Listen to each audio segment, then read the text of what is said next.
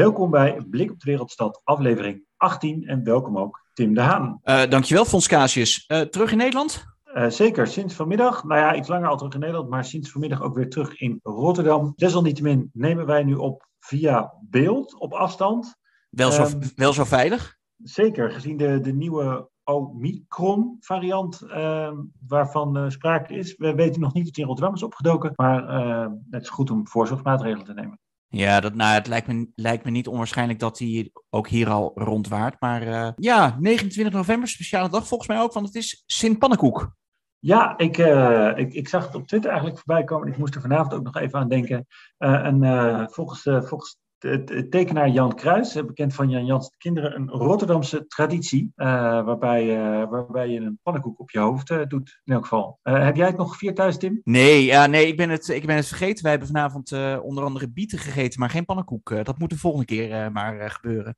hey, Fons, waar gaan we het vandaag over hebben in de podcast? we hebben dieren in het nieuws, wat een beetje een, een, een, terugblik is en een beetje een meta, zou ik haast zeggen. Verder nou, wat ons opviel, waarbij we volgens mij meerdere burgemeesters de revue laten passeren. Ja, correct. Uh, en we gaan nog even een rondje doen langs de, de politieke velden. Uh, verschillende partijen hadden nieuws te melden over, over kieslijsten. en één partij in het bijzonder maakt een, een switch. En iets meer uitzoomen gaan we ook even stilstaan bij het Nationaal Kiezersonderzoek, wat afgelopen donderdag verscheen. En wat dat betekent voor Rotterdam, voor hoe we Rotterdamse partijen daarin kunnen positioneren. Correct. En ik duik nog eventjes terug naar het jaar 1969. De zomer van 69 is dat dan? Of? Ik weet niet of het de zomer is. Ik, uh, dat moet ik nog even nazoeken. Uh, daar komen we zo terug. Tim, wat viel jou op deze week? Uh, nou, wat mij opviel, dat was een, een bericht op, op File Media. En hij dook ook, ook op een aantal andere ja, nieuwszenders en uh, programma's dook hij op. Dat was uh, ja, de behandeling van de rellen op de Koolsingel, waar ja, vanzelfsprekend ook een, uh, een vergadering aan werd gewijd op de, op de Rotterdamse Koolsingel door de raad.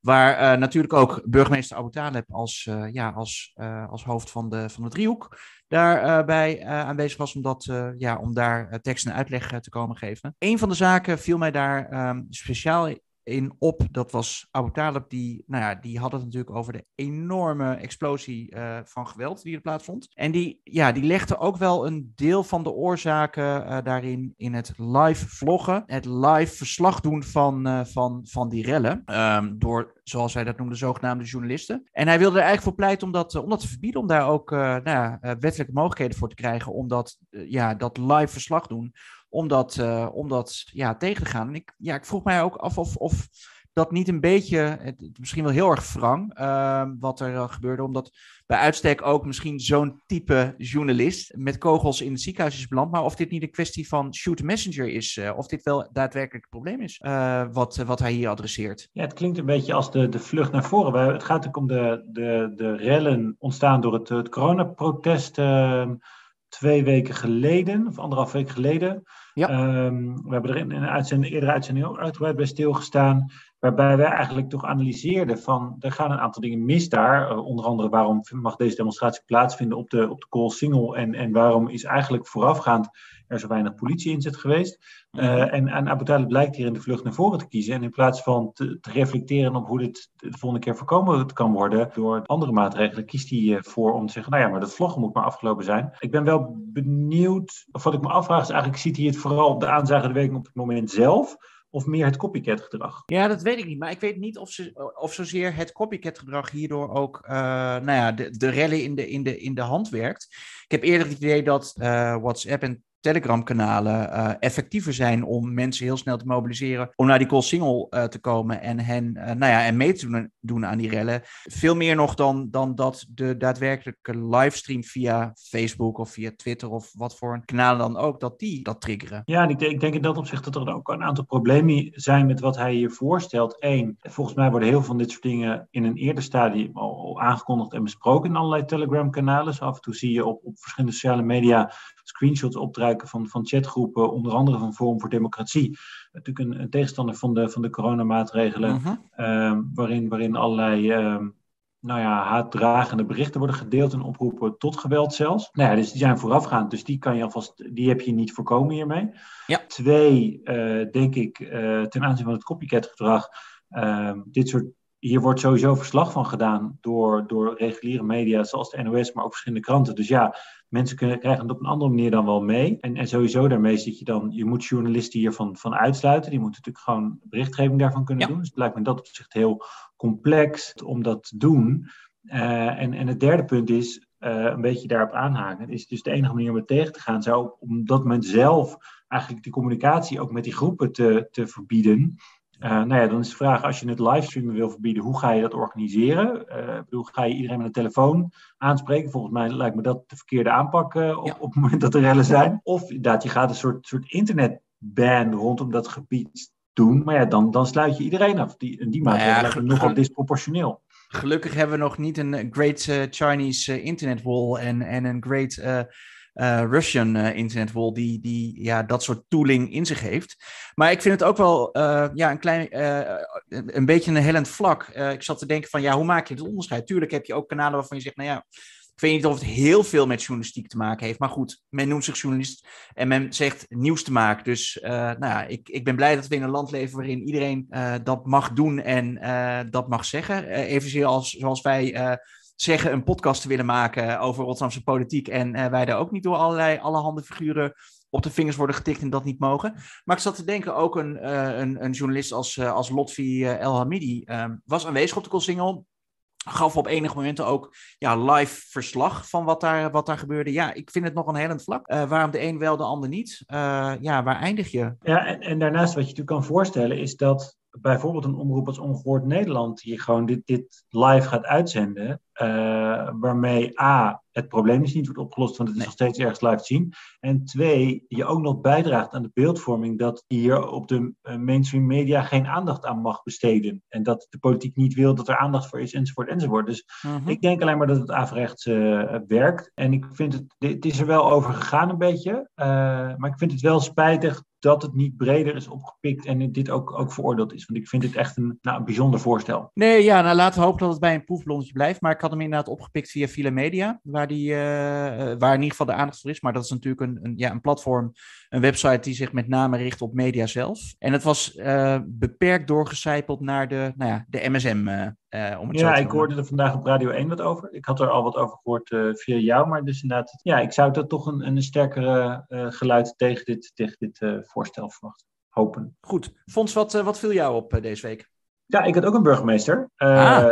Ja, niet, niet uit Rotterdam, maar wel uit de Rijnmond-regio. Dus ik neem hem gewoon mee in deze podcast. Het gaat over Wouter Kolf, de, de burgemeester van Dordrecht. Deelde dit ook op Twitter. Ehm, en hij had een filmpje gemaakt eigenlijk ehm, eh, in samenwerking volgens mij met, met onder andere het Albert Schweitzer ziekenhuis, eigenlijk om mensen op te roepen om zich aan de, aan de coronamaatregelen te houden. Het filmpje was ook op Twitter uh, gedeeld, ontving daar volgens mij veel lof ook, wat ik zo snel zag.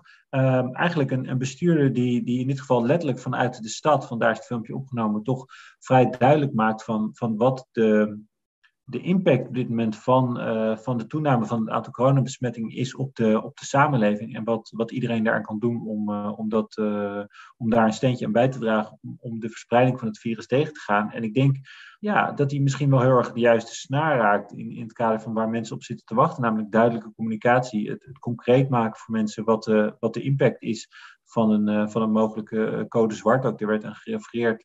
Uh, maar überhaupt deze oplopende besmettingsaantallen. Ja, dus wat dat betreft eigenlijk de, de, de burgemeester waarvan we normaal gesproken zulke klare taal verwachten in, in filmpjes. Ik moet een beetje denken aan het filmpje van, van Abu Talib naar de, naar de rellen op de Bijlandse Laan. De avondklokkenrellen die de dag daarna met een hele duidelijke videoboodschap kwam. is, ja, is het stokje nu doorgegeven aan, aan burgemeester Kolf in, in Dort. Ja, daar lijkt het haast, uh, haast wel op. Nou, we gaan kijken wat het effect is op, uh, op de uh, verkiezing voor burgemeester van het jaar en wellicht van de wereld, Fons. Ja, we gaan het zien of Dordrecht volgend jaar de beste burgemeester ter wereld heeft. Ja, dan gaan we naar dieren in het nieuws. En daar hebben we eigenlijk wel een interessante, een interessante cliffhanger waar we mee doorgaan. Ja, we eindigden de vorige keer bij dieren in het nieuws bij niet zozeer fauna, maar bij flora. De Japanse duizendknoop. En Fons, ik begreep dat jij hem wil overpakken deze week. Ja, ja het was wel, wel grappig. Het, het was namelijk naar aanleiding van de Chinese bolhandkrab, waarbij uh, een, een, in een van de eerdere uitzendingen bij stil ja. gestaan. Jij hebt uh, bij de Partij voor de Dieren uh, nagevraagd wat hun standpunt daarover was. Nou, die bij, bij, bij, de, bij de nummer twee van de nieuwe lijst, mag ik nog even benadrukken. Ja, dus dit, dit is een politiek gevoelige, gevoelige uitspraak eventueel. maar dat, dat, dat zij voor, de, voor de bescherming of tegen de uitroeiing van die, van die Chinese bolhandkrab zijn die, die wat, wat een invasieve exoot is. Ja. Uh, eigenlijk zijn zij voor uh, bescherming van alle, van alle dieren uh, en, en ook invasieve exoten. Maar ze maakten wel een uitzondering voor de Japanse duizendknoop. Inderdaad, mm -hmm. een plant, zoals jij zei. En nu werd, onlangs was in het nieuws dat een bedrijf uit Berkel, dus, dus ja, wederom buiten Rotterdam, maar wel in de regio.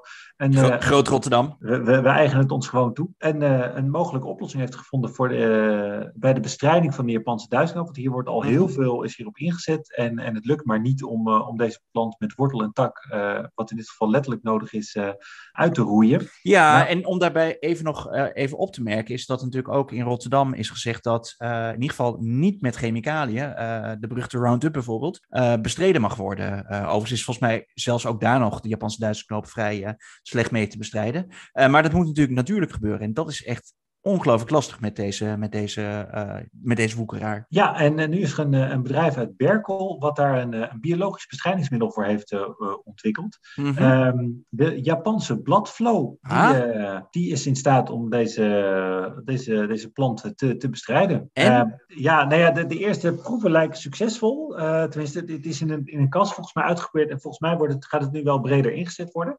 Ja. Ehm, wat ik me alleen wel afvroeg, je, je hoort het misschien wel, de Japanse bladflow dus ik vroeg mij uh, nog wel ergens af of we niet uh, met het bestrijden van het ene probleem het volgende probleem binnenhalen. Maar dus in, dat, in, invasief wordt met, ja... Invasief bestrijden, Nou ja, ja. in ieder geval exoot. Ik weet niet of die invasief is op die manier. Of het hiermee nee, ook... Nee, nee, het is nog niet invasief, maar het is wel een exoot inderdaad. Ja, want het is nog een soort van controlled in, in, in de kas. Ja, maar ja, we gaan natuurlijk straks in de, in de buitenwereld uitzetten. Ja, dat, en dan moeten we zien of deze bladflow zich niet op de de Hollandse paardenbloem gaat soorten. Ja, inderdaad. Nou, dat uh, wordt vervolgd. We wachten het af. Uh... Ja, wederom uh, cliffhanger op, dit, op dit gebied. ja, Fons, er zijn behoorlijk wat lijsten afgelopen week, afgelopen weekend vastgesteld. maar liefst drie collegepartijen waren in de weer met ledenvergaderingen. De Rotterdamse VVD heeft de lijst vastgesteld. de Partij van de Arbeid heeft de lijst vastgesteld. En GroenLinks heeft de lijst vastgesteld. Laten we beginnen met de VVD. Uh, ik begreep uit betrouwbare bronnen dat men daar twee uur lang heeft uh, vergaderd en gediscussieerd uh, en uiteindelijk de lijst ongewijzigd heeft vastgesteld. dat zijn bijna, ja, ik zou zeggen bijna D60-praktijken daar zo lang ja, over, over het proces discussiëren. Maar nou ja, de lijsttrekker was al bekend, die was al eerder vastgesteld, Vincent Karmans. Op nummer twee, Dieke van Groningen. Op nummer drie de huidige nieuwe fractievoorzitter Pascal Lansing-Bastenmeijer. Valt er verder nog wat op uh, aan de lijst? De top 18 is zeg maar op, op sociale media ook gedeeld. En uh, ja. wat opviel daarbij is dat er uh, drie vrouwen zijn. 15 ja, mannen. Inderdaad, ja. Heeft men een mannenprobleem bij de VVD? Uh, nou ja, de, de VVD zegt altijd te kiezen voor kwaliteit. Maar uh, ja, het is wel, wel bijzonder dat je in, in Rotterdam niet meer vrouwelijke VVD-talenten uh, kan vinden. Wat, wat bereid is voor de gemeenteraad te kiezen. Natuurlijk, we hebben een, een, een Europarlementariër van de VVD ja. vanuit Rotterdam. Uh, Caroline Nachtegaal. Maar uh, verder is het wel armoedig, zou ik haar zeggen. Karig. Jeetje, ja. En nog wel zag ik een interessante uh, kandidaat op nummer 7. die was volgens mij ook al een beetje opgevallen. Onder andere bij het AD, de advocaat Verwij. Ja, de, de actief op, op Twitter onder andere. Volgens mij heeft hij een uitstekend track record daar het gaat om, om fundamentele rechten en duidelijke taal. nee, ik, ik, kan zijn tweets wel vaak waarderen. even kijken, dan gaan we naar de Partij van de Arbeid. Ik zag daar niet zo heel snel uh, wijzigingen uh, uh, plaatsvinden. Ze hebben natuurlijk daar, en daar gaan we het daar ook nog heel veel over hebben, net als bij GroenLinks een, een, een zou ik zeggen, ingewikkeld systeem. Er wordt een lijst voor. wordt het bij linkse partijen. um, er, wordt, er wordt een lijstvolgorde gesteld. Uh, nou, die, wordt, die wordt gedeeld met, met de leden. En uh, daar wordt op de ledenvergadering uh, in principe live over vergaderd. En dan kan je zeg maar zelf tegenkandideren tegen het voorstel. en nou ja, dat kan slagen. Maar dat kan, dat kan ook mislukken. maar dat gaat dus per zetel, zeg maar. Dus ja, de dat gaat per zelf gekozen. En, en dan ja. komt er nummer twee. En dan zegt iemand, nee, ik wil op twee. En dan... Exact. En dan moet er over gestemd worden. En ja, haal je die meerderheid niet, ja, dan, dan ben, je, uh, ben je eigenlijk weer terug bij de plek waar je eerder op geadviseerd uh, was. En zo gaat het door. Dus dat is, ja, zou ik zeggen, best een zenuwslopend uh, proces om, dat, om dat mee te maken. Volgens mij heeft het bij de Partij En ook Arbeid... lang lijkt me. Ja, dat denk ik ook. Maar goed, volgens mij houdt men daar op zich ook wel weer van, uh, van dat soort, uh, dat soort vergaderingen. Maar volgens mij heeft dat bij de Partij van de Arbeid niet tot, uh, tot in ieder geval eh, wijzigingen uh, geleid die mij zijn opvallen. Uh, bij GroenLinks daarentegen is er wel het nodige nog gewijzigd. In de top viel het nog mee, maar nou ja, er was natuurlijk Jimmy de Smet was bezig met de jump van Jimmy. Die wilde heel graag van, van 11 naar, naar 4. Dus die, die heeft een poging gedaan om daarop terecht te komen. Dat is niet gelukt. Is die op 11 blijven staan? Of heeft nee, zeker niet. Hij heeft, wel, hij heeft wel een sprongetje gemaakt. Hij is naar 8 gegaan, dus dat is een mooie, mooie prestatie. maar Lies Roest is, die is op, op 6 gebleven. De meest opvallende sprong, dat is een, is een studenten. Uh, op vijf uh, is zij uh, terechtgekomen Mina Morkoc, als ik het goed uitspreek. Um, zij stond, als ik mij niet vergis, op 10. En wat mij ook nog wel opviel, want er is zo in, in die top 10 nog wel het nodig verschoven.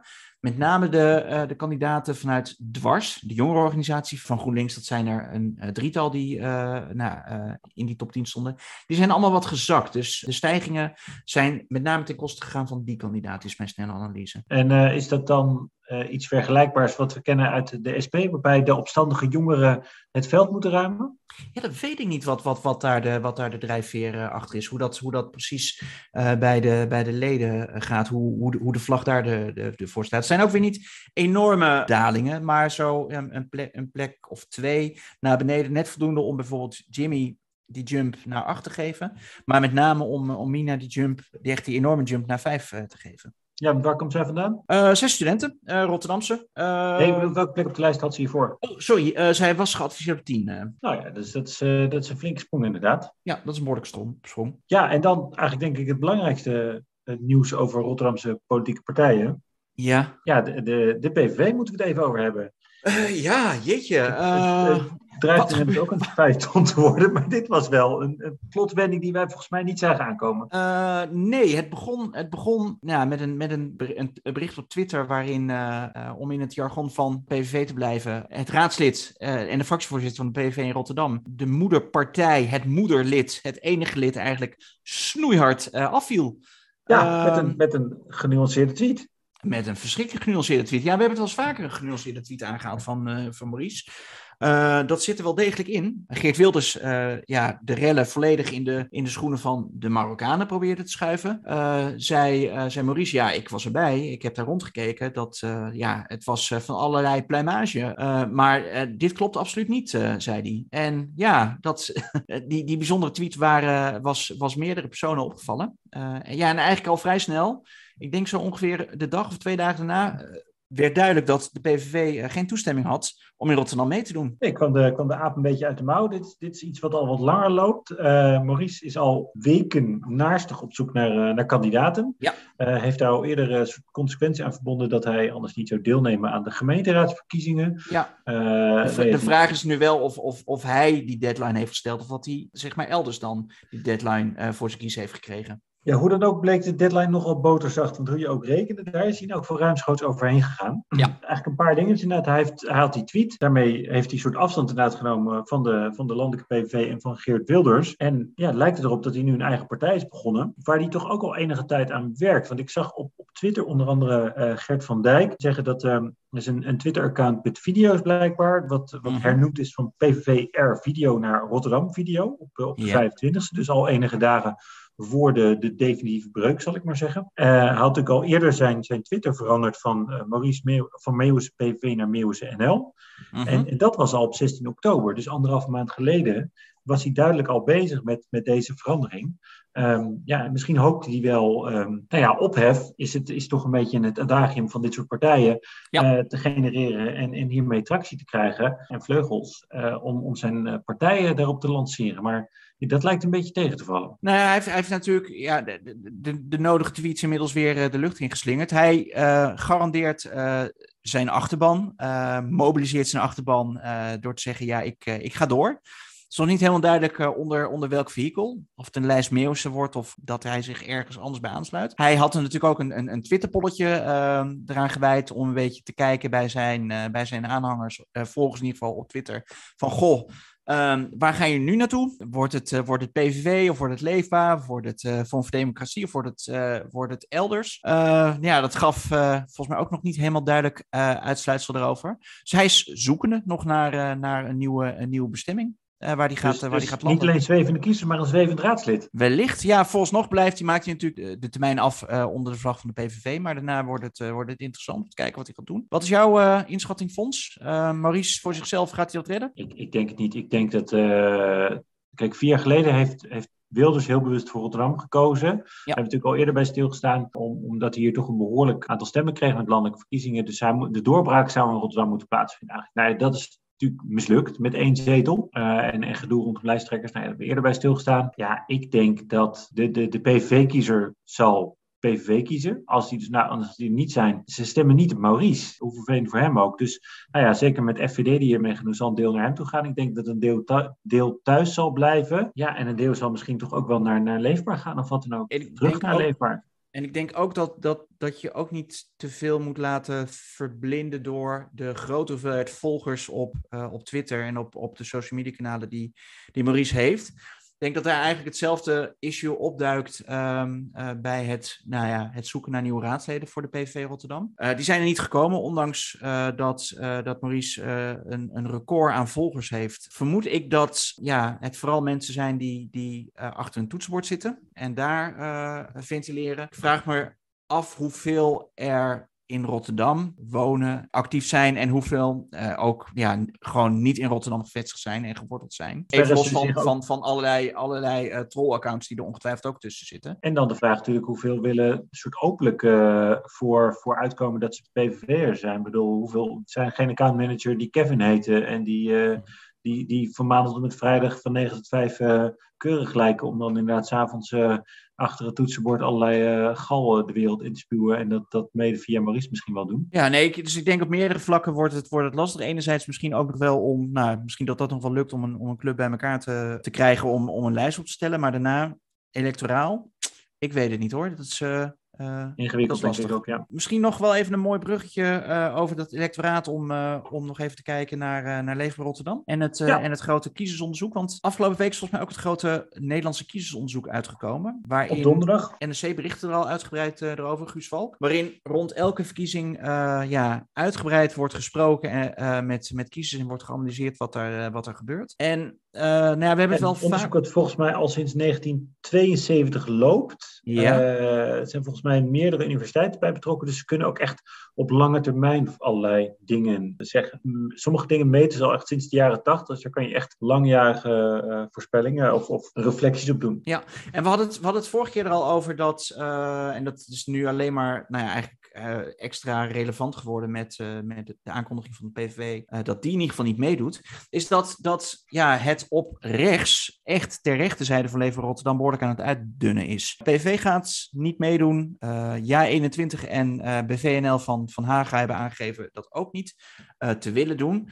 Mogelijk hangt nog uh, Vorm voor Democratie boven de markt. Um, maar we bespraken vorige keer al, of was het de keer ervoor, dat, we, uh, ja, dat we denken dat daarvoor voor Leefbaar Rotterdam niet zoveel valt, valt te halen. Zo radicaal als het electoraat daarin is. dus ja, die ga je niet tevreden kunnen stellen. Ook niet als een, als een, leefbaar, als een leefbaar Rotterdam. Ja, wat ik dus wel interessant vond, wat je hier zou kunnen zien, is dat je in dat, in dat kiezersonderzoek werd, werd eigenlijk geconstateerd dat traditioneel heb je natuurlijk links en rechts. Ja. Uh, en, en één partij daar midden tussenin, dat is, dat is D66. Ja. Wat, wat het voordeel dan Vle is... Vlees nog vis? Nou ja, dat zou je ook kunnen zeggen. Ik moet even een aanloopje nemen, dan kom ik zo meteen namelijk op leefbaar. is dat D60, uh, dat is zowel de kracht en daarmee ook de zwakte, kan zowel van links als van rechts uh, kiezers af, afsnoepen. Ik denk dat je dat ook met de laatste Tweede Kamerverkiezingen hebt gezien, dat, ja. dat kiezers zowel van GroenLinks en PvdA zijn gekomen, maar misschien ook wel van, van VVD en CDA, waarbij ja. zeker dat laatste, uh, in de laatste dagen voor de verkiezingen bijvoorbeeld GroenLinks-stemmers tactisch hebben gekozen voor, voor Sigrid Kaag. Klopt, die wilde, die wilde zeg maar in ieder geval de garantie dat er een progressieve partij ja. mee zou doen. Ja, en, en misschien wel de grootste. En die dachten, nou, Kaag zou misschien wel eens de, de eerste vrouwelijke premier kunnen worden uh, van Nederland. Ja. Uh, en het, het, het, nadeel daarvan dan is dat je dus ook aan beide kanten kiezers kan verliezen. Uh, dan, dan komen we even aan de rechterkant. Aan de rechterkant zie je eigenlijk dat er op dit moment een scheuring plaatsvindt tussen gewoon rechts en, en radicaal of extreem rechts. Dus je hebt de VVD en CDA onder andere. En dan heb je eigenlijk daar ter rechterzijde van nog uh, PVV, FVD, dat soort partijen. Ja. Um, wat daarbij interessant is, daarom wordt er ook niet over die scheuring gesproken, is dat er eigenlijk geen uitwisseling meer plaatsvindt tussen gewoon rechts en extreem rechts, zal ik maar zeggen. Dus je ziet dat eigenlijk de hoeveelheid van dat extreem rechtse gedacht, dat rechtspopulistische gedachtegoed al ongeveer 20 jaar constant is. Ja. Dat is begonnen met de LPF, 26 zetels, en dat is ongeveer wat er te halen valt. Ja. Uh, dat is natuurlijk best een aanzienlijk deel van het parlement. Uh, maar dat is tegelijkertijd ook het maximum. En dat verdeelt zich nu dus binnen een aantal partijen. En wat, wat nu de gedachte is, maar ja, dat is heel moeilijk te zeggen, want we zien dat nu pas voor de eerste keer, is dat ja 21 eigenlijk tussen extreem rechts en gewoon rechts ook diezelfde brugfunctie zou kunnen hebben als uh, D60 dat heeft, dus rechts en links. Uh, en, en dat is wel waar ik me kan voorstellen dat Leefbaar Rotterdam zich gaat, gepositioneerd is. Dus dat ze zowel kiezers van extreem rechts, uh, nou PV, waar we het eigenlijk net over hadden met Maurice Meeuwissen, maar misschien ook wel van FVD en tegelijkertijd ook van, van CDA en VVD zou kunnen afsnoepen of ze aan allebei zou kunnen verliezen. Dus als, eh. als jij dat kiezersonderzoek zou plotten op Rotterdam, dan zou jij uh, Leefbaar Rotterdam, zeg maar, die brugfunctie toedichten? Ja, ik weet, de brug, nou, aan ter brug is een beetje alsof het een verbinder is. Ik weet niet helemaal ja. of dat is, maar in elk geval wel die soort middenpositie daartussen. Dat is waar ik ze op dit moment positioneer. En dat is ook wel als ik erover nadenk, in zoverre wel interessant dat ze ook deels een positie innemen, daar hebben we ook wel eens eerder bij stilgestaan, die elektraal gezien heel interessant is, want ze zijn namelijk eigenlijk economisch relatief links. Ze komen op voor, de, voor de hardwerkende Rotterdammers, zal ik maar zeggen. Ja. Maar cultureel gezien heel conservatief. Ja. Dus uh, de, wat natuurlijk, uh, nou ja, wij, wij zeggen ook links-rechts. Ja. Uh, maar wat, wat natuurlijk de afgelopen jaren door politicologen wordt gezegd, is eigenlijk sprake van een hoevenijzervorm, waarbij de partijen aan de flanken, zowel links als rechts, juist weer eigenlijk dicht bij elkaar zitten op dat spectrum. Ja. Um, en dat is, dat, is, nou ja, dat is waar ik me kan voorstellen dat je, dat je, dat je leefbaar zou, uh, zou kunnen plotten. En dan doe ik dat deels ook op de gedachte dat als je dat voor jaar 21 doet met Joost Eertmans, die afkomstig is uit Leefbaar, en daar ook wel een deel van het gedachtegoed volgens mij meeneemt, uh, dat je hen daar zou kunnen positioneren. Ja, interessant. Ik, ik ben er nog niet helemaal over uit, maar dat is met name ook als ik, als ik naar de wat, wat, ja, de, de wat kortere termijn kijk en ik zie wat het, uh, uh, wat het verkiezingsprogramma nu van Leefbaar Rotterdam zegt, hoe ze zich daarin positioneren, welke thema's ze benoemen is een beetje, het, het voelt voor mij alsof men daar ook milder is geworden. Tegelijkertijd las ik ook de analyse van eh, Chris Albers deze keer op Vers Beton, die daar ook naar keek. En die zei eigenlijk, um, wat zijn conclusie is, Leven Rotterdam in de loop der jaren eigenlijk helemaal niet zo heel veel veranderd. Is het nog steeds dezelfde partij die twintig jaar geleden in Rotterdam uh, startte en spectaculair uh, de Rotterdamse Raad binnenkwam punten die ze hebben zijn eigenlijk nog steeds, het, uh, zijn eigenlijk nog steeds hetzelfde. Dus daarin is niet zo heel veel veranderd. De wereld rondom Lever Rotterdam heen is veranderd. Ja, en wat je natuurlijk wel hebt gezien bij, bij Lever Rotterdam, is dat het eigenlijk een hele gewone bestuurderspartij is geworden in de loop van de jaren. Ze hebben een aantal keer een college meegedaan en, en zijn daarmee ook een gewone partij geworden. Wat daar misschien nog wel bij komt op dit moment, waarom ze het relatief makkelijk hebben, is dat ze komen nu vanuit de oppositie. En ik denk dat ze vier jaar geleden hebben ze hard campagne gevoerd, ook denk ik tegen de PVV. Ja, om die, absoluut om die rechterflank af te dekken. Ja, ja en, en uh, daarom misschien ook wel die, die lijstverbinding toen deels aangaan met Baudet. Uh, Zeker met Forum om een soort van je daar ook ja, toch landelijk elan te geven misschien. En, en dat hoeft nu niet meer. Ik bedoel, je kan nu gewoon schoppen tegen het college. Daarmee schop je tegen de VVD. Nou ja, dan heb je je, je authentieke Rotterdamse geluid. Uh, en dan is het eigenlijk zorgen dat je... Dat is, dat is wel een risico misschien voor ze. Want ze, ze kunnen eigenlijk alleen maar verliezen. Want als ze groeien, zegt iedereen, ja, maar dat ging je doen, want je was oppositie. Dus tenzij mhm. ze echt spectaculair groeien, ik, wij spreken wat naar 20 zetels of zo, dat, dat zou, dan, dan ben je wel echt winnaar. Maar waar ze nu staan, uitkomen, ja, verliezen ze 1, 2 zetels. Dan zegt iedereen, vier oppositie en je verliest zetels. Ja. Dus dat dat, is enerzijds hebben ze het misschien wel makkelijk, maar anderzijds zit er ook misschien wel wat, wat complexiteit achter. Hmm. Nou, we gaan het de komende maanden merken hoe, hoe ze zichzelf ook gaan positioneren in dat, in dat, in dat spel, in, in die campagne. Ja, en wat daar nog wel interessant is, waar we het helemaal aan het begin even over hadden, wat doet corona? Want kijk, ik denk dat leefbaar gebaat is bij een normale campagne. Want dan kunnen ze gewoon de straat op, dan kunnen ze zichzelf presenteren. Ze zijn niet volgens mij heel erg uitgesproken tegen corona of tegen maatregelen. Nee, absoluut niet. Nee hoor, nee. Maar ja, dus profileren zich daar ook niet in. Het zijn denk ik wel een partij die het nodig hebben om gewoon zichtbaar op straat te zijn. Ja, dat is, en, en daar zijn ze sterk in. Hè? Echt ook gewoon uh, de gewone man in de straat uh, aan, te, aan te spreken. Dat, is, dat zie je natuurlijk ook. Ze hebben een grote mooie, mooie kraam, mooie kar daar staan en een paar staattafels erbij. Dat, uh, dat ja. is een campagne voeren met Leefbaar. Ja, maar ik bedoel, als we even eh, terugdenken naar een jaar geleden, toen vonden überhaupt de Kamerverkiezingen onder hele bijzondere omstandigheden plaats. Maar zelfs als we normaal op één dag gewoon gemeenteraadsverkiezingen hebben. Kijk, uh, Hugo en Mark hebben nu aangekondigd dat deze maatregelen de komende paar weken duren. Mijn inschatting is, en, en als ik wat experts zie, zou het zomaar nou ja, wordt er geschat dat om, om weer op een acceptabel niveau in het ziekenhuis te komen, dat het wel 100 dagen kan duren. Dan zijn we drie maanden verder. Telt u even mee, dan zijn we begin maart. Ja, ben je dan nog in staat? Kijk, voor de kiezer, er wordt altijd gezegd, hè, voor politieke partijen uh, begint, uh, beginnen de verkiezingen drie maanden van tevoren, voor, uh, voor journalisten drie weken van tevoren en voor kiezers drie dagen van tevoren. Dus in zoverre denk ik dat, er, dat als, we, als die campagne echt op 1 maart, als we dan weer alles mogen en alles gaat los, dat Leefbaar het nog best wel goed gaat doen. want dan, dan gaan mensen op dat moment kiezen en dan zijn we ook corona voorbij. Maar als dat niet gebeurt, wordt het nog best wel een ingewikkeld verhaal voor ze. Want ja, dan box je op tegen allerlei partijen met landelijke uitstraling, die misschien dan wel net een nieuw kabinet hebben gepresenteerd met allemaal leuke dingen voor de mensen. Is ook nog wel een, een, een handicap waar we misschien uh, uh, niet buiten moeten rekenen. Hmm, nog iets om. Uh... Misschien ben ik pessimistischer dan jij hoor. ja. Nou ja, ik, weet, ik, ik ga zeggen, ik weet niet of ik dat moet zeggen. Nog iets om naar uit te kijken, maar dat, ik weet niet of ik daar naar uit wil kijken. ja, althans, dat perspectief van corona. Ja, nee, dat snap ik. Ik kijk zeker niet uit naar, naar, naar een, een coronawinter. Maar ja, het, is in dat opzicht wat ik zeg. Ik denk dat het stiekem voor Leefbaar misschien wel veel complexer is dan mensen denken. Hm, we, gaan het, uh, we gaan het zien.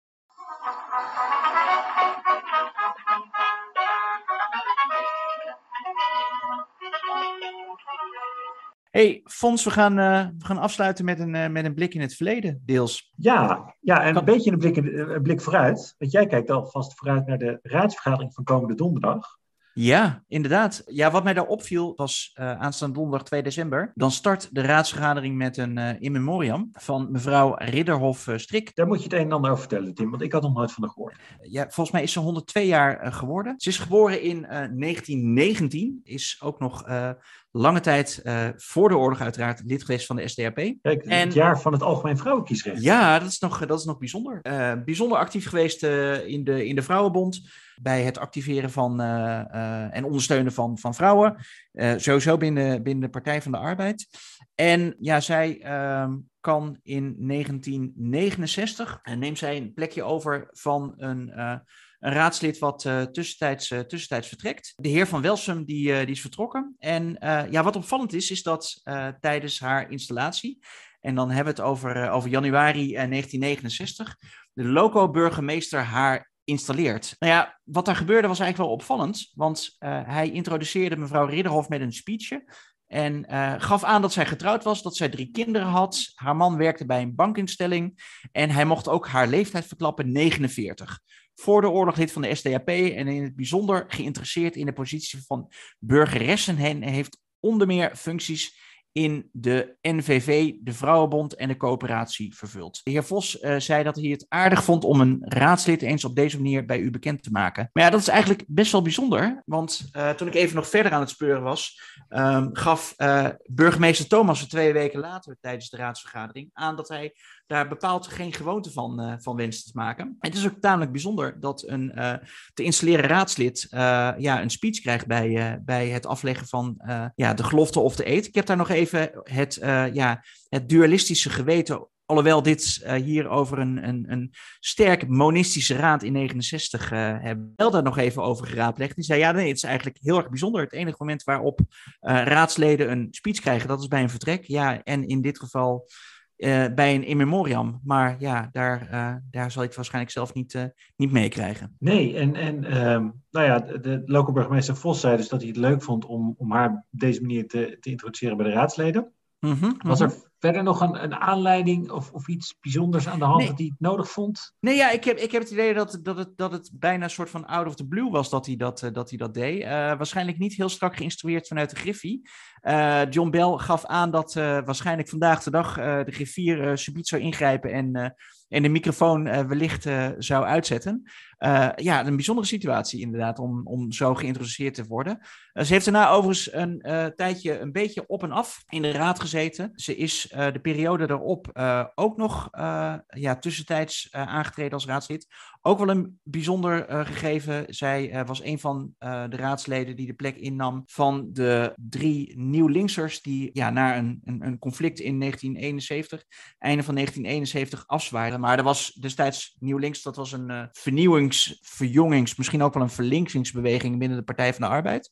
Leidde tot, dat eerder gehoord. Ja, leidde tot, tot de nodige conflicten. Maar destijds uh, ja, dolven ze in ieder geval op dat moment nog het, het onderspit. Ja, mevrouw Ridderhof Strik kon weer aantreden. Vanaf de tweede helft van, van de jaren zeventig was zij van vaste waarde uh, voor, uh, voor de Partij van de Arbeid in de, in de Raad. Zij is een beetje dus de, de, de Henk Kamp onder de, de PvdA-raadsleden. Ja, op dat moment wel. Maar ik, ik, er zullen er ongetwijfeld nog wel meer zijn geweest die die rol hebben vervuld. Uh, ja. maar, maar je kan er altijd vragen om terug te keren in de Raad. Ja, ik ben, nee, ja, ik ben benieuwd waar, waar aanstaande donderdag, ja, welke herinneringen in ieder geval vanuit het institutionele geheugen van ongetwijfeld de Griffie en uh, ook het instituut van burgemeester wordt, uh, wordt opgediept. Ja, dus, dus in zoverre maakt ze op, op het einde nog even promotie van de local burgemeester naar een, een speech van de burgemeester. Uiteraard, ja, ja maar dat is uh, de eer die ja, een ieder uh, toekomt. Mocht je in de Rotterdamse Raad hebben gezeten en mocht je overleden zijn, dan wordt er uh, ja, bij het begin van de raadsvergadering wordt er een in memoriam uitgesproken. Een mooie nou, traditie. Ja, dankjewel voor dit bijzondere verhaal, Tim. Daarmee zijn we aan het einde gekomen van deze aflevering van Blik op de Wereldstad. Ja. jij bedankt voor, voor al je, je, je, je, je kennis en je bijdrage weer deze week, Tim. vergeet, vergeet je niet te abonneren op, op de podcast uh, via allerlei uh, kanalen. Dan komt een nieuwe aflevering vanzelf in je feed. Verder kan je ons ook vinden op BOD Wereldstad. Bedankt voor het luisteren. En uh, kijk ook nog even in de show notes voor allerhande links, onder andere naar het, het kiezersonderzoek. Wat wij volgens mij ook gaan delen, Fons. en uiteraard de, ja, de artikelen uh, rondom uh, mevrouw Ridderhof Strik, die ik uh, in het onverprezen Delver weer heb gevonden. En, de, ja. en het filmpje van, van Wouter Kolf, de burgemeester van Dordrecht. Uiteraard, die gaan we ook delen. Nou, en, dat was hem. Dan gaan we het volgende week ongetwijfeld hebben over de raadsvergadering van aanstaande donderdag. Dat denk ik wel. alvast tot volgende week. Tot volgende week. bedankt voor het luisteren. Dag. Bedankt. Dag.